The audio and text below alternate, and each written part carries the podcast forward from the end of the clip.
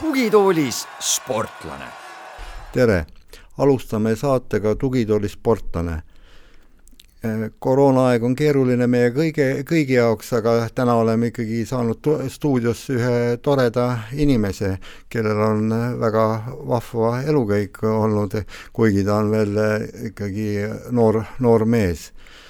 tere tulemast saatesse, kergejõustikumänedžer Hans Üürike! tore olla siin, Deivi, aitäh, et kutsusite spordijuttu ajama no ütleme, minu jaoks oled sa heas mõttes nagu müstiline mees, et ütleme kuulajatele kohe ära, et et Ants on vaatamata oma noorele, noorele eale saanud eh, suures eh, kergejõustikumaailmas ikka jala ukse vahele kõvasti ja, ja noh, see on selline ära leierdatud termin, tegelikult on ta ikka sealt ukse vahelt korralikult sees, sest nii uskumatu, kui see ei tundu, tema, tema tiimi tiimis on ikkagi hunnik sportlasi, kellest me pärast räägime pikemalt, aga kõige kõvemad mehed on maailmameister Daniel Stool ja Fredrik Tatsres jamaikalane siis, kes tegid täpselt aasta aega tagasi toimunud MM-il siis kaksik, kaksikvõidu nii et, et eh, tundub uskumatu, et nii noorel e-, Eesti mehel saavad olla eh, tallis, kui kasutame natuke soomepärast sõna, sellised vägevad hobused. aga teeme nüüd ühe kiire kannaka ja lähme päris sinu, sinu lapsepõlve, et ku-, kunas sa spordirajale astusid? Ja ma eeldan, et ikkagi sa oled maast madalast selline väga spordilembeline inimene sporti olen ma tõesti kogu elu teinud ja, ja on selline iseloomujoon, mis kogu aeg sunnib võistlema ja endast parem olema ja, ja tänu sellele ma kogu oma lapsepõlve ka tegelikult staadionil veetsin, et äh, meie, meie maja Pärnu Jaagupis oli kohe staadioni kõrval ja ilmselgelt kõik päevad möödusid kas staadionil või siis äh, talvel külmal ajal spordikeskuses või suusaradadel. ja, ja see on käinud siin aastast aastasse kuni tänase päevani, et äh, kuigi ma ise tippsporti enam ei tee, aga, aga kõik nädalavahetused mööduvad looduses ja ise sporti tehes, suusamaratonid, jooksumaratonid ja, ja nagu öeldakse, et kui, kui on füüsis väga heas vormis, siis on ka vaim väga heas vormis, et äh, seda, seda rada käin mina ka praegu. no see on väga, väga õige, et ma isegi sellise äh, tindi äh, passakast välja pigistana üritan ikkagi seda teha, et kui on mingid pikad, pikad laua taga, arvuti taga istumised, et siis lähed ka, et kas aias kraabid lehti või, või ajad muru või mida siis mm. vastavalt aastaajale teha, teha annab, eks ju. et ütleme, selline äh, no, no sa oled ikkagi maapoiss, eks ju, et, et ütleme, sind vist ikkagi väga suure malakaga vanematel välja ei olnud vaja ajada, et see tuli kuskilt selline sisemine impulss, jah? tõesti, nagu mu ülikoolikaaslased ütlesid, et maalt ja hobusega, et äh, väga väiksest maakohast ja, ja eks, eks seal maal ei olnudki midagi väga muud teha, oligi väljas jooksmine ja spordi tegemine ja eks see omamoodi andis tegelikult ka sellise soovi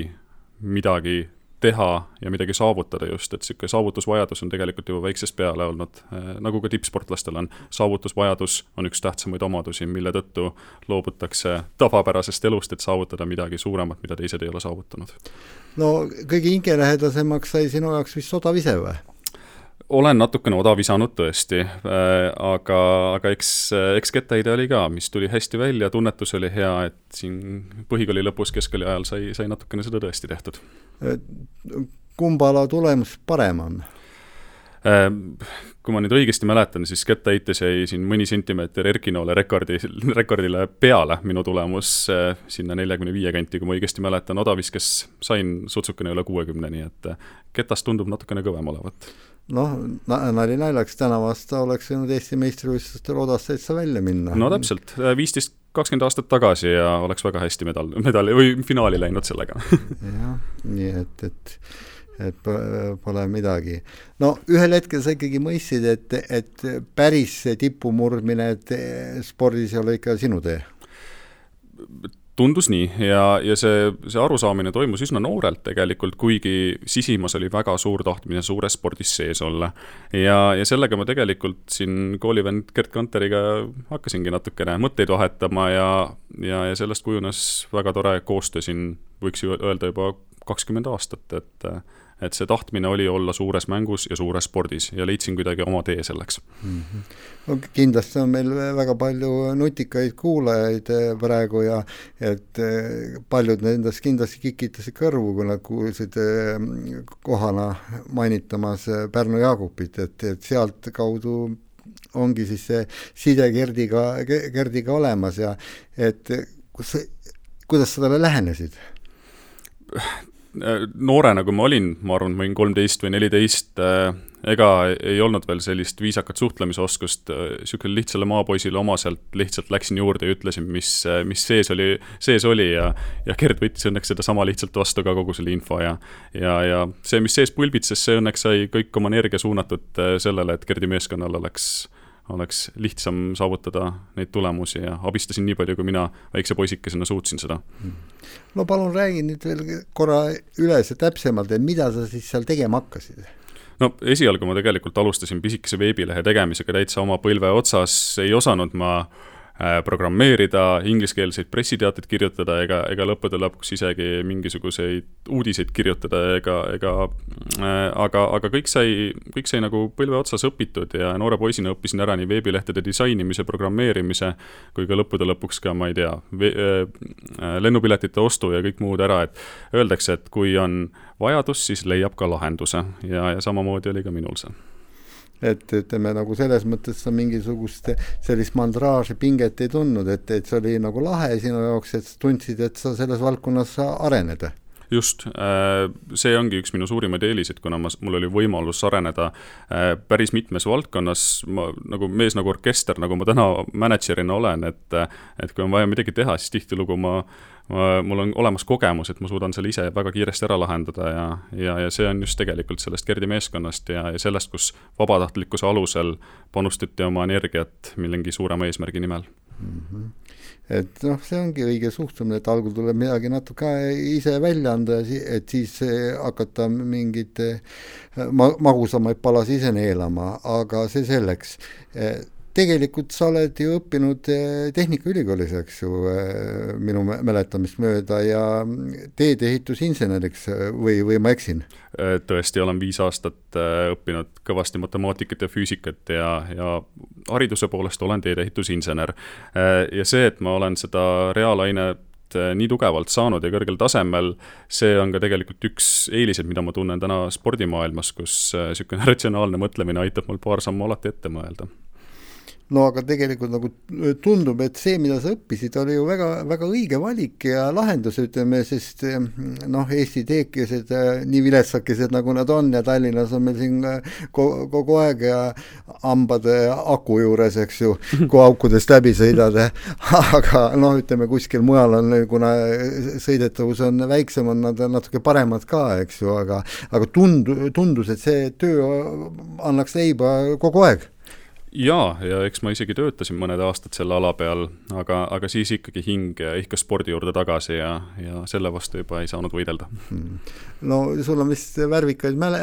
meenutusi ka sellest õppimise protsessist, et, et sa oled ikka ise lausa labidaga udjanud ka seal kuskil tee-ehitustöödel ja proovinud ka selle kõige madalama töö ära, kui seda nii, nii julmalt tohib nimetada. just, aastal kaks tuhat kuus tõesti olin, olin olin platsi peal praktikumis ja, ja ma sain uhkusega ikka öelda, et ma olin Labida brigaadi juht, et äh, brigaadi kuulusin mina ja Labidas. ja, ja see oli huvitav suvi, sai väga heasse füüsilisse vormi, eks ta, ega ta väga palju vaimule midagi ei andnud, aga aga õnneks seda ei pidanud aastast aastasse tegema millal sina reaalselt nagu sisimas nagu tunnetasid, et Gerd Kanter kirjutab sellise tohutu sportliku loo et, et teeb sellise võimsa retke, mis nagu lõpeb üheteistkümne tiitlivõistluse medali võitmisega äh, mulle meeldib üks ütlemine, et juhuse jõudu ülehinnatakse ning planeerimise olu, olulisust alahinnatakse. Äh, Gerdi puhul nägid kohe, kuidas kogu see tegevus oli üsna detailselt planeeritud ja eesmärgistatud ja, ja juhuslikkusele väga palju siin võimu ei antud. ja, ja selle tulemusena tegelikult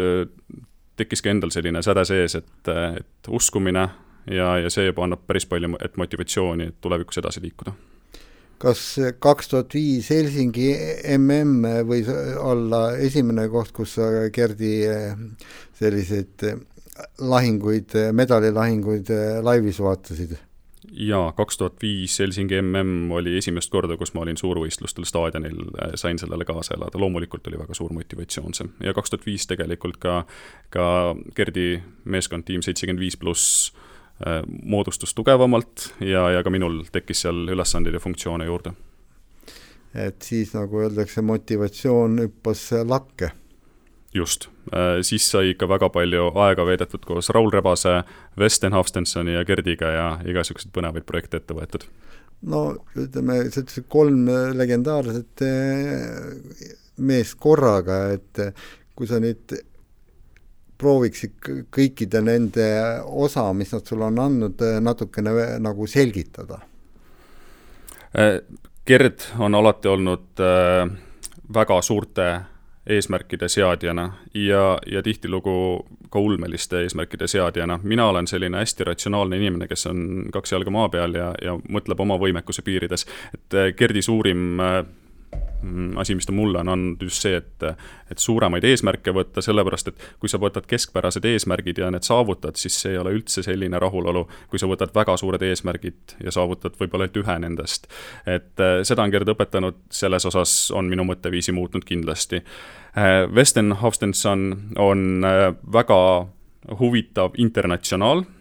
ta on väga paljudes erinevates riikides, erinevates kultuurides töötanud ja tema on, on mulle tugevalt andnud seda perspektiivi, äh, et äh, empaatiavõime, kuidas erinevates olukordades hakkama saada just rahvusvahelisel tasemel ja ja edu saavutada. ja Raul Rebane on omamoodi olnud sellise mentori ja isa eest natukene üle, üles kasvatanud äh, inimesena, väljendusoskusena, kuidas ennast nähtavaks teha ja, ja, ja just üsna detailselt, kuidas saavutama mingeid väga põnevaid innovaatilisi projekte, noh, Raul on äh, walking, talking dic- äh,, dictionary ehk, ehk tal tuleb neid mõtteid kogu aeg ja, ja tema kõrval oli tore areneda ja õppida, et, et kuidas ägedaid asju teha, nii ongi no ütleme, see tiim ikkagi äh, pani kogu aeg täis purjedega, et seal praktiliselt ei jäänudki ühtegi aastat, kui midagi tiitlivõistlustel ei pudenenud, eks see kaks tuhat kümme oli see selline aasta, aga, aga me muidugi ei tea, mis mida see ungarlane tegelikult tegi, et mis tal siis paakides oli, aga, aga no oli, mis oli, lõppkokkuvõttes Gerdil on annaalides EM-i neljas koht ja, ja nii jääb ja see, see enam ei muutu ja nii et, mhm. et just, äh, selle meeskonna ja selle jõuga, mis meil taga oli, et öeldakse, et äh, tõeliselt head ideed sõltuvad risttolmlemisest ja, ja meie meeskonnas see risttolmlemine käis risti-rästi igatpidi äh, seitsme-kaheksa meeskonna liikme vahel, kus üksteist kõik täiendasid ja tänu sellele üks pluss üks võrdus kolm mm. -hmm no millal siis tegelikult ütleme, reaalselt sa hakkasid eh, mõtlema sellele, et võiks sinna mänedžeride maailma astuda või sukelduda, et eh, noh, tõesti, veel korra rõhutan, ikka olid ju väga, väga noor mees, eks ju, ja et, et minna sinna, seal vanad šaakalid ees kaks tuhat kolmteist alustasin selle mõttega mängimist ja reaalselt toimetamist ja ja see on väga hästi öeldud, et vanad šaakalid olid ees, väga raske oli sinna maailma sisse saada. kaks tuhat kolmteist osalesin esimest korda äh, sise-MM-il Sopotis Poolas. Ja, ja noh, see näitab päris palju, et tegelikult mul ei, ei olnud ühtegi sportlast seal võistlemas, et äh, käisin lihtsalt natukene maailmaga tutvumas ja, ja mine sa tea, ka natukene sportlasi otsimas loomulikult et sealt edasi juba läks natukene, natukene hoogsamalt see käima, kuni, kuni sai mänedžeri litsents tehtud. no selles mõttes sa tegutsesidki tasa ja targu, nagu ma olen aru saanud, et et ega sa ei saanud ju minna mingite maailma esinumbrite juurde öelda, et tule minu tiimi, eks ju, et et, et nendel ei ole ju midagi pakkuda, eks ju, et pidid võtma natukene tagasihoidlikumate tulemustega vennikesi, eks, aga ütleme, süües süües tõusis isu ja, ja tulid, tulid ka kõvad, kõvad mehed sinu gruppi. kui sa algusest eh, meenutad, et kes seal olid, üks Kanada kuulitõuke minu teada oli sul eh, kõigepealt ja, ja kuidas see koostöö siis startis? Äh, tegelikult mu esimesed sportlased olid Rootsist, olid Leif Harhenius, äh, kuulitõukaja ja kettaheitja ja tegelikult ka kaks tuhat kolmteist tuli juba Daniel Stool minu tiimi, et ta oli kakskümmend vist äh, tol hetkel ja, ja oli ikka väga algaja, oli seal viiekümne meetri mees. et mänedžeri elu raske osa just ongi see, et sa pead tegelikult seda tiimi kogu aeg kasvatama ja, ja noortega koos üles kasvama. ja, ja nullist alustades sa peadki noortega alustama. ja kui ma kaks tuhat kolmteist alustasin, minu naiivne eeldus oli, et edu hakkan saavutama kahe-kolme aastaga võib-olla, kuigi reaalsuses see tegelikult, esimene medal tuli alles viis aastat hiljem. et, et see kõik võtab aega, sa pead esiteks nendele noortele pihta saama, kes on andekad, andekusest võib siin pikemalt rääkida, et kuidas neid noori üldse valida ja, ja kuidas aru saada, kes on tegija tulevikus ja kes ei ole aga, aga sa pead selle aja nendega koos ära olema ja nad peavad ennast rahvusvahelisel tasandil, tasandil üldse tõestama ja siis loomulikult tulevad ka tulemused nii sportlasele kui ka mänedžerile. no tegelikult olekski huvitav kuulda, et kuidas siis see kompamine käib, eks ju, tegelikult ju häid sportlasi, eriti kui me võtame sellise Eesti lati järgi, et ma ei taha öelda, et Eesti latt on madal, et meil on ju suurepäraseid kergejõustiklasi, aga noh, kui sa vaatad sellist üldmassi, mis maailmas nagu toodetakse või tuleb, eks ju, mingi kahekümne meetri kuulitõukajad, kõik on nagu, me siin kirjutame, siin üks mees, kes praegu siin jutustab kogu aeg, kõik on tulevikulootused, eks ju aga, aga kuidas sa näed selle ära, et, et sealt tulevikulootusest võib tulla kahekümne kahe meetri mees? Äh, siin on tegelikult mitmeid aspekte, mida, mida mina tänasel päeval jälgin noore sportlase puhul ja, ja tõesti, äh, see andekus on üks väga tähtis nüanss, ma nimetan seda kolme tasandi andekuseks, mis sportlaste puhul ma tavaliselt jälgin, et äh, et sportlasi võib jagada kohaliku taseme sportlaseks, rahvusvahel, rahvusliku taseme sportlaseks ja rahvusvahelise taseme sportlaseks. Äh, noh, kui mina näiteks lähen Pärnumaa meistrivõistlustel oda viskama, saan seal neljanda koha, siis mina olen kohaliku taseme sportlane, et äh, mu oma vald on väga õnnelik, et ta saab äh, meistrivõistlustel oma punktid kirja. Kui ma näiteks odaviskes saan Eesti meistriks juba, siis on see juba rahvuslikult päris tähtis. ja, ja, ja siis, kui ma hakkan võistlema MM-idel, OM-idel ja võidan seal medaleid, siis see on juba rahvusvaheliselt äh, juba üsna tähtis. et, äh, et see tegelikult seda kolme tasandi andekust ma jälgin nii vaimsel tasandil kui ka tegelikult füüsilisel tasandil ja, ja tihtilugu äh, mänedžerid just võtavad neid rahvusliku taseme sportlasi ja kasutades oma kogemust, kontakte ja aitavad sellel sportlasel areneda rahvusvahelise taseme sportlaseks. kui me võtame näiteks Daniel Stooli, kes kaks tuhat kaksteist, kaks tuhat kolmteist oli üsna ullikene ja algaja veel, siis mhm. kaks tuhat kolmteist, kaks tuhat neliteist hooajal võtsin mina mänedžerina eesmärgiks äh, tema rahvusvahelisele tasemele lähemale tuua ja see, selle tulemusena ma, ma sõidutasin teda mööda Euroopat äh, kõikvõimalikel võistlustel täiesti pärapõrgus. Bosniasse, Iirimaale, Belgiasse, Hollandisse kohutavate reisigraafikutega, võistles lume, tuule, vihmaga, suurte vastaste, väikeste vastastega. ja, ja peab tunnistama, et enamustel võistlustel ta tegelikult äh, ebaõnnestus ja see on puhtalt sellepärast, et tal oli noor ja ullikene ja kõik lõi verest välja, kui ring oli libe või, või kui vihma sadas või külm oli. ma, ma korra sekkun siia vahele, et kuulajad paremini aru saaks, eks ju, et tegelikult Daniel Stooli puhul oli ju neid Eestiski neid hääli tuli, kes ütles, kes ütles, et kuule, mis sa seda paksukest võtad endale, et ta oli ju toona mingi sada seitsekümmend kilo vist ligi ja ei tahtnud hästi ringi ära mahtuda. just, tol hetkel oli sada seitsekümmend viis kilogrammi just äsja jäähokist tulnud ja, ja oli selline suur ja raske tüüp, äh, aga kes oli selline, võib öelda, lihvimata teemant ja, ja tegelikult nende paari aastaga, mis ta kogemusi sai, peale seda ta hakkas rahvusvahelistel võistlustel õnnestuma ja, ja ta oli nagu väikse sammu edasi teinud, et saada, saada äh, maailmas parimaks äh,. noh, tihtilugu ka vaimsel tasandil, kui mõelda, et kes on rahvuslik sportlane, kes on rahvusvaheline sportlane, tihtilugu kõik teevad oma kodustaadionil fantastilisi tulemusi, millega saab MM-il finaali, aga kui sa lähed Berliini olümpiastaadionile MM-il ja sul on kuuskümmend või kaheksakümmend tuhat inimest karjuvad seal vastu, siis võtab igalühel jala nõrgaks, kes ei ole seda harjutanud. ja, ja seetõttu on, on väga tähtis, et mänedžer aitab sportlasel sellest põlvevärinast lahti saada. et seda käiaksegi kuskil, nagu sa kirjeldasid, neid võistlusi kuskil vihmas, tuules, lumelörtsis ammutamas seda kogemust. just. no kindlasti sa kuulasid Vesteni eh, eh, nõuandeid ka eh, Danieli puhul, eks ju, et Vesten oli ikkagi see silm, kes nägi, et, et seal midagi on. Vesten Hofstensson on maailma number üks kettaheitetreener, ta on omas valdkonnas täielik guru ja, ja ta on ses suhtes ühe suurima kogemuspagasiga ja ükskõik, mida tema arvab kettaheitest, siis see läheb tavaliselt täide. et äh, seetõttu noh, kõrvalt on väga lihtne kettaheiteid jälgida, kui mul on sellised konsultandid kõrval ja, ja kes aitavad mul neid noori välja valida. noh, loomulikult, äh, mis mul noorte puhul äh, jälgin, on niinimetatud Raul Rebase välja mõeldud kasutamata ressursi teooria mm.. ehk äh, kui on kuueteistaastane poiss teeb kahesaja viiekümne kilogrammiga juba kükke jõusaalis, siis, siis mind see mürakas väga ei huvita, sellepärast et ta on oma füüsilise potentsiaali ja ressursi juba nii ära kasutanud, et kuhu tal veel areneda on kahekümne viie aastasena. tihtilugu on see kas vigastusega lõppev või mingi muu jamaga, millega üritatakse äh, paremaks saada. et, äh, et sellist kasutamata ressursi teooriat on väga huvitav rakendada noorte sportlaste peal. No tundub, et äh, Daniel Stool liigub täiesti nagu mööda Gerd Kanteri mustrit, et alguses põrumised ka suurte, ka suurtel võistlustel ja nüüd medalite korjamine ja juba kuldade korjamine me nimetame seda Western Hofstensoni mustriks ehk äh, kõige kiirem viis arenemiseks on aeglane mm. viis mm. -hmm. ehk äh, ei tasu oodata, et kahe, ühe aastaga hüpatakse kuus-seitse meetrit stabiilselt keskmisega edasi, vaid käib ühe-kahe meetri kaupa. jah, Gert sai kaks tuhat viis MM-il hõbeda, kaks tuhat seitse kulla MM-il, äh, Daniel Stoll täpselt samamoodi sai hõbeda kaks tuhat seitseteist ja nüüd kaks tuhat üheksateist MM-il kulla. Äh, ja, ja see muster on väga sarnane ja see on, see on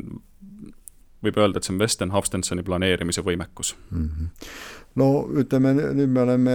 Stoolist oleme palju rääkinud ja võib-olla me tuleme veel tema juurde tagasi, aga vähemalt kuulaja peaks aru saama, et, et mis, mis torudes see mees on läbi käinud, et ütleme nii, et ta ongi läinud läbi vasttorude ja paksu ja vedela ja, ja on tulnud ära ja, ja kõige tähtsam ongi see, et kõik, ütleme, võivad lobiseda mida tahes, mees ise peab uskuma ja leidma endale kõrvale head nõuandjad ja siis tuleb, eks ju. aga kui, kui sa nagu kukud põlvil esimest korda, hakkad ennast haletsema, et põlved on kriimused ja ei suuda seda tolmu maha pühkida, no andke andeks, ei tule mitte midagi, eks ju. aga siit läheks Tatsrese juurde, no see, see on ka täiesti üks müstiline vend, eks ju, ta ju tuleb ju puhtalt jooksjate maalt, et kuidas, kuidas sellise vennaga kokku sattusid?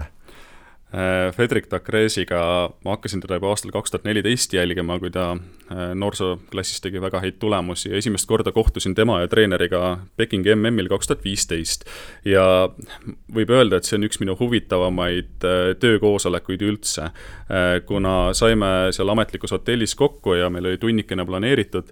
ja mul oli see kohutavalt naljakas ja keeruline jamaikalastest ja nende inglise keelest aru saada, et äh, põhimõtteliselt seal poole tunni jooksul, mis me rääkisime, ma sain ainult ja-mannist aru ja ülejäänud asjad olid see, et ma ei saanud aru, mis nad mulle vastasid, sest see aktsent oli niivõrd tugev, aga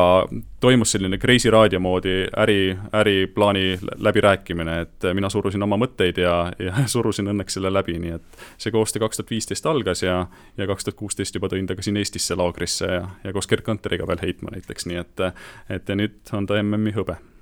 jah, et see on huvitav, et see vend on, ütleme siin Eestimaal neid päevi päris palju eh, veetnud, ilmselt on nii mõnigi kord kurtnud, et ei ole sellist Jamaica neljakümmend kraadi siin. sellega on nalja tõesti saanud, et äh, tihtilugu on mul olnud siin äh, tunne, et see jamaikalane sureb siin külma kätte ära, et kaks tuhat üheksateist Stockholmi Teemant liiga oli, muidu oli täitsa soe suvi, aga too võistlus oli, oli kuus kraadi, jube tuul ja vihm oli ja, ja see jamaikalane oli enam-vähem kiledressidega mul seal, seal staadionil, nii et äh, mina mänedžerina tavaliselt pean siis ükskõik mida tegema ja taidlema, et temal oleks hea olla, nii et et siis ma lõppude lõpuks varastasin staadionimeistri toast mingisugused kindad suvalised, et et ta saaks vähemalt oma käed soojas hoida, et äh, jah, see on, see on tal keeruline siin Euroopas, kui sa oled neljakümne kraadiga kogu aeg trenni tegemas ja ja tuled Euroopasse ja on kuus-seitse kraadi no ütleme nüüd oleme välismaalastest palju juttu rääkinud juba, aga tegelikult on sul õnnelikke selliseid projekte ka eestlastega olnud. et ma jõuaksin Krista Kaleta juurde, ütleme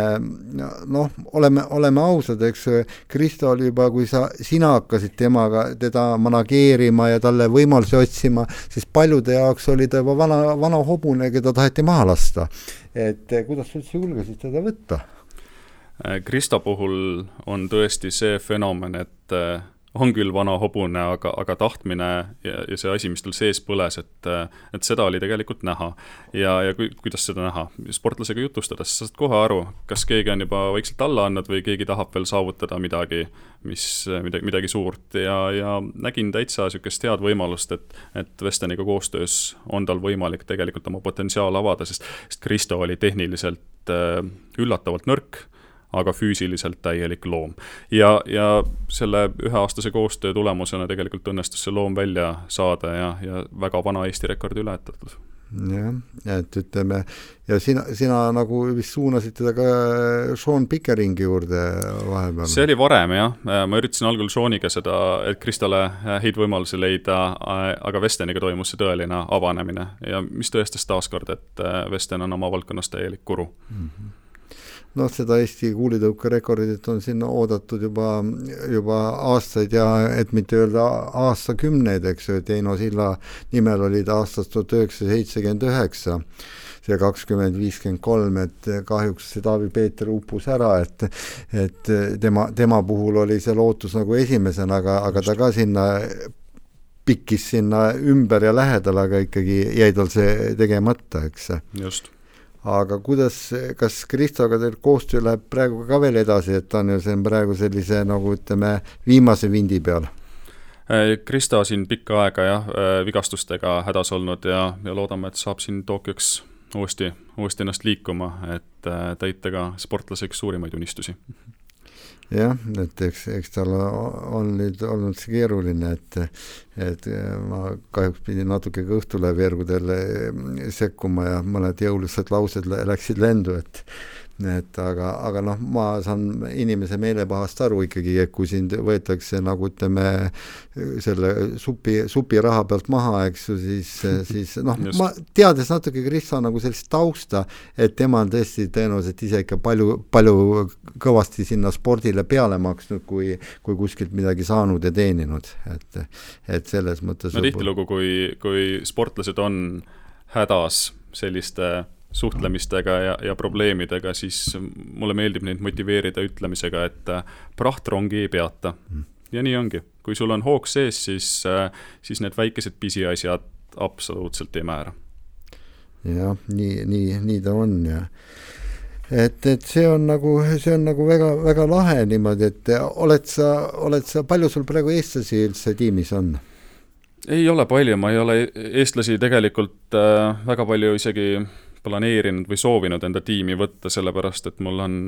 kokku pea kakskümmend sportlast üheteistkümnest erinevast riigist ja mul tegelikult on meeskond täis, et mu eesmärk ei ole üldse, üldse väga palju neid juurde enam võtta, et kui alguses tuli iga sportlase pärast võidelda mm, -hmm. käia laagrites, treenereid moosida ja et endale sportlasi juurde saada, siis pigem nüüd tuleb sügiseti siin uksest ja aknast neid sisse mm. -hmm. et, et siin eelneval hooajal jah, natukene Kuperit ja Kaletat aitasin, aga rohkem eestlastega äh, koostööd praegu ei ole mm. -hmm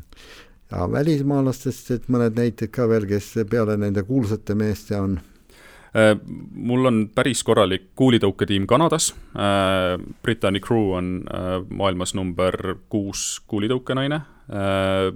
seesama Tim Nedau Kanadas ja, ja paar noort veel siin siis Norras on mul päris korralik heitetiim, mul on kaks kettaheitjat seal, üks kuulitõukaja, kes kaks tükki on maailma top kümnes hetkel ja, ja, ja Soomes ka siin mõned noored, et, et siin ikka vaikselt on neid. Ja loomulikult Islandilt. Et sa nagu jääd nagu nende liistude juurde, et sa ikkagi rohkem tegeled heitjate tõukajatega, et sa teisi, teisi alasid ei võta? Äh, kettaheide on maailma spordis täielik nišivaldkond. Ja, aga samas iga väike nišš maailmas on juba märkimisväärne oma, oma mahu ja tähelepanuga. Äh, ma, ma, kusjuures ma selle strateegilise otsuse, et ainult kettaheitjaid ja, ja kuulitõukajaid aidata, äh, võtsin kunagi Gerd Kanteri meeskonnast, kui me alustasime kettaheite teemalise portaali loomisega ja ainult kettaheite teemal ja siis me mõtlesime ka, et sellise nišivaldkonnaga väga, väga midagi ette ei ole võtta, aga juba peale ühte aastat olime, olime maailmas number üks veebileht ja meil oli kümneid ja kümneid tuhandeid külastajaid iga kuu üle, üle saja kümnest erinevast riigist. et see näitab, et tegelikult väga spetsiifilisel nišivaldkonnal olgu ta kui väike siin Eestis või Põhjamaades üldse, et tegelikult maailmas on see juba päris suure mahuga asi. sarnane mõtteviis on minul management'il ja, ja heitealadega, et kui, kui alguses teised mänedžerid ütlesid, et noh, sellega ära ei ela ja, ja see ei ole mingisugune sissetulek, siis tänasel päeval on, on see ennast tõestanud, et kui sa oled mingis ühes pisikeses valdkonnas maailma parim, siis on, siis on, siis on see kõik võimalik mm., et mul on tänase päeva maailma mm, top kümnes viis kettaheitjat ja maailma top kolmekümnes äh, kaheksa kettaheitjat, et äh, noh, võib öelda, et ma olen maailma kettaheite kunn vaikselt kõlab hästi, aga vastab, vastab tõele. nii et, et, et kuidas seda, kuidas seda öeldi, et, et pa-, parem külas esimene kui, kui linnas viimane või, või oli, või oli see vastupidi, aga, aga aga nii, nii nii ta on, et, et sa oled nagu ütleme ära, ära oma teekonna tõestanud. palun räägi kuulajatele ka seda, et tegelikult, et mida ikkagi see mänedžeri töö veel sisuliselt tähendab, et ütleme noh, selle koroona juttu jätame veel siin kõige lõpuks, eks ju, mis meid kõiki siin raputab vähem ja rohkem, eks ju mm., aga no ütleme, see on üks tohutu helistamine, et sinu telefoniarved ikka vist parimatel kuudel ja, ja kõnetunnid on metsikud Neid kõnetunde jah, natukene ikka on, aga õnneks on tänasel päeval üsna odavad juba need, et kui esimestel aastatel olid telefoniarved seal noh, seitsme-kaheksa euro kanti isegi mõni kuu, äh, siis täna, tänasel päeval on see enam-vähem tasuta käes. aga mänedžeri jah, töö on äh, tagada seda, et sportlane saaks kvaliteetselt trenni teha, kvaliteetselt magada ja kvaliteetselt süüa ja, ja siis äh, kõik, kogu võistluste temaatika nende jaoks ära hallata. ehk tegelikult on selline väga tugev taustajõud kes aitab sportlasel olla professionaalne. Äh, sinna alles kuuluvad võistlustega läbirääkimised, äh, logistikakorraldus, sponsorläbirääkimised ja, ja noh, lõppude lõpuks igasuguseid muid väikseid markantseid asju, mida on tulnud teha, et sportlasi kriisiolukordades aidata. Äh, no vist, vist kõige, kõige sellisem kummalisemad lood ongi, et oled pidanud kuskile ketse, heiteketse minema viimasel hetkel otsima ja selliseid asju on juhtunud, jah? Äh, neid lugusid on päris palju, kus äh, tavapäraselt, kes sõbrad käivad üheksast viieni tööl, näevad, kus ma reede õhtul kell pool kümme jooksen sünnipäevapeolt ära, et äh, poole tunniga koju jõuda ja, ja osta Fredrik Takreisile uus lennupilet, sest kui ta on juba lennujaamas ja ja, ja ei saa muidu lennuki peale, kui tagasisõidupiletit näiteks ei ole korralikku ja kor-, korrektset, et äh, ja, ja ma ei tea, olen Amsterdami linna peal enne kuulitõukefinaali otsinud Mesut Bezerile heitesusse, sest ring oli niivõrd kare ja oli vaja tutikaid susse, et lõpuks leidsin mingi itaallase itaallase hotellitoast need, nii et et ühesõnaga, mõnikord on tulnud natukene üle oma varju astuda, et mingisugust pisikest asja, toetavat asja ära täita, aga, aga see on mänedžeri töö mm. -hmm kuidas mänedžeride see kamp on, noh, ma ise nimetasin, et vanad šaakalid ees ja sa nagu kinnitasid, et eks see natuke nii, nii on, et ühes teises podcastis käis Eesti vast kuulsam kergejõustikumänedžer veel Aivar Karotamist e-, e-, esinemas ja noh, kuidas, kuidas sul temaga suhted on? Aivariga on meil suhted väga head, äh, Aivar on võib öelda mänedžeride maailmas legend, sest ta on olnud aastakümneid äh, väga pisikeses äh, edukate mänedžeride grupis ja tal on niivõrd palju olümpia ja MM-i medaleid, et et kui tal need endal oleks, siis tal need kappi ära ei mahuks. seetõttu Aivar on, on olnud väga edukas oma valdkonnas ja loomulikult vaatan alt ülesse. Aivariga tihtilugu alguses peal, alguses sai sai niisama jutustatud, aitas natukene sellest maailmast ka aru saada, seetõttu olen talle igati tänulik, et et tema on Eestile päris palju uksi avanud, Eesti sportlastele rahvusvahelisel tasandil ja, ja seetõttu on saa-, läbisaamine meil väga hea. ja no, no eks ta nii on ja teine, ütleme Äh, on naisterahvas, kes meil selle asjaga tegeleb, on Kadri, Kadri Kallas, et äh, noh, ta, ta vist praegu väga palju sellega tegeleda ei saa, et tal vist endal selline järelkasv kodus kasvab ja. just, tal päris palju energiat, ma eeldan, sellesse, aga, aga eks ta tegeleb oma, oma meeskonnaga ka edasi, nii et et äh, Kadriga saan ka väga hästi läbi. Noh, see ongi, et ütleme, et see kodune liivakast on ju väike, ei tasu seal nagu tülli pöörata, et, et, et kõik saavad, kõik saavad oma leivatüki äh, kätte. no praegu on nagu spordi jaoks selline e, väga väga ebaselge aeg, noh, tegelikult muidugi ole, oleks vale öelda, et ainult spordi jaoks, kõikide valdkondade jaoks, me tegelikult ei tea juba, mis uudised tulevad homme, mis tulevad nädala pärast, veel vähem kuu aja pärast, et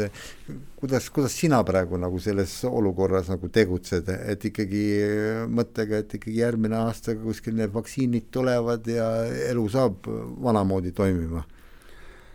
ei koroonakriis tõesti oli raske spordile. sport üleüldiselt on meelelahutus ja meelelahutus äh, finantskriisis on esimene, mis, äh, mis kõrvale lükatakse ja tegelikult ka sportlased ja, ja spordiüritused said, said äh, väga tugevalt pihta sellega ja, ja nad on ka üks hilisemad, hilisem valdkond, mis taastub sellest. seetõttu on jah, keeruline tulevikku planeerida, loomulikult me arvestame, et Tokyo olümpia kaks tuhat kakskümmend üks toimub ja kogu töö käib selle nimel. samamoodi ma valmistan ette kaks tuhat kakskümmend üks sisehooaega, see tähendab läbirääkimised, kokkulepped, lennupiletid sportlastele, aga ma olen kaheksakümmend viis protsenti kindel, et ma pean suurema osa sellest tööst ära tühistama, mis on veel ekstra töö. et see sisehooaeg suure tõenäosusega ei toimu veel tavapäraselt, kuid kevadel hakkab asi normalise-, normaliseeruma maailmas. et, et aga, aga professionaalselt tuleb kogu töö ära teha, mine sa tea, äkki õnnestub. no see ongi nii, et jälle tavaline kuulaja ei pruugi aru saada, aga see see ongi, mänedžeri töö ongi esiteks leida need võistlused, sportlane peale kaubelda, eks ju, et palju siis sa ikkagi pead ju kauplema, eks ju, et okei okay,, Daniel Stooli tahab iga võistluse korraldaja tõenäoliselt saada, kui just ei ole küsimus teatavates rahasummades, eks ju, et mm., et ei teki mingeid tõrkeid või suusad ei lähe risti, aga paljudega tuleb ju sellise jäärapäiselt sul suruda, et ikka võtke ta ja sa pead selgitama, et, et sul on inside infi, eks ju, et ta on heas vormis praegu ja ta võib selle kuuli või ketta kuhugile lennutada nii kaugele, et kõik rõõmustavad ja käib see asi nii? Jah, nii see käibki tegelikult. Äh, sa pead oma sportlase maha müüma äh, võistluse direktorile ja, ja see mõnikord äh, on kuupikkune moosimine, mis võistlusdirektoriga käib ja kui see lõpuks õnnestub, on see fantastiline uudis. aga siis, kui kõik see tuleb koroonakriisi tõttu ära tühistada, siis see on veel topelt valus mm.. et kui, kui laialt sa üldse sporti veel eh, muidu, muidu niimoodi vaatad, et jälgid sa ka mingeid teisi alasid või jääb sul aega? suur spordifänn olen ikka, eks ma suures plaanis jälgin kõiki spordialasid äh, ja ma jälgin äh, võib-olla natukene sellist sisulisemat poolt, ehk kes tõusevad esile, kes rahva seas kelle tulemused on võib-olla natukene silmapaistvamad, kelle tulemusi hinnatakse. et noh, mulle meeldib küsida, et mis on sportlase toode, et tihtilugu öeldakse, et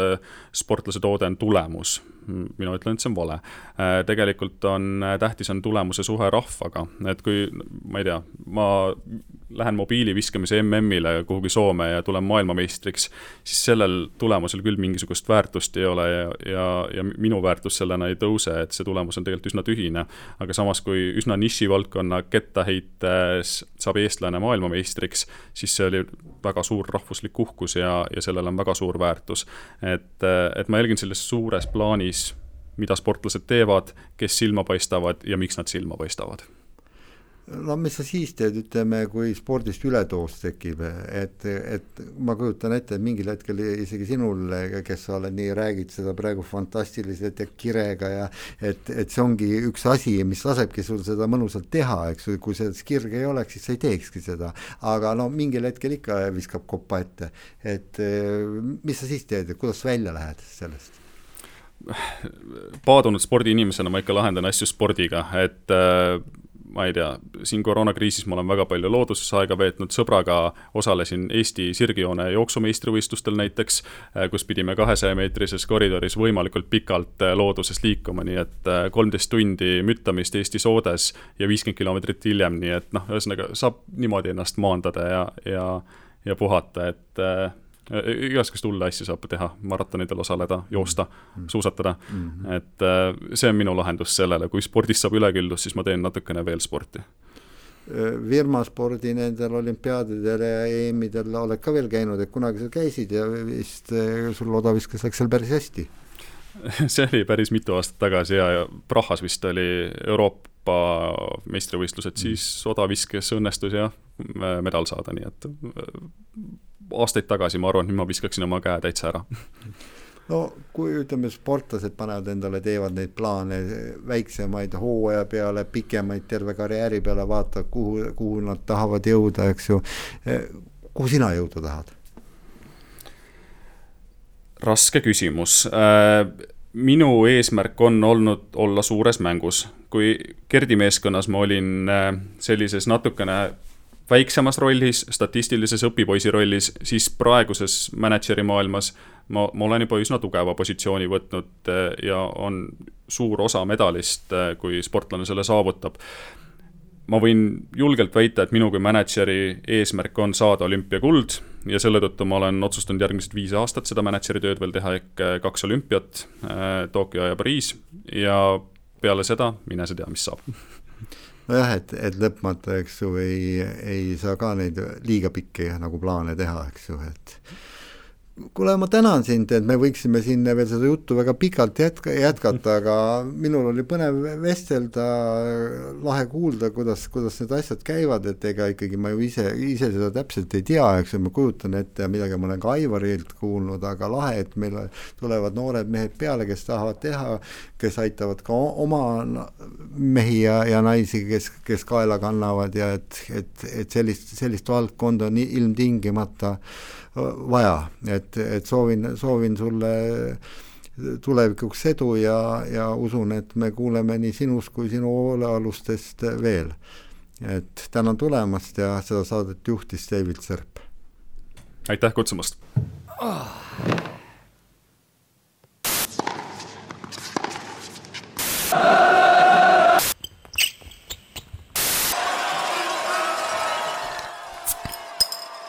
Tugitoolis sportlane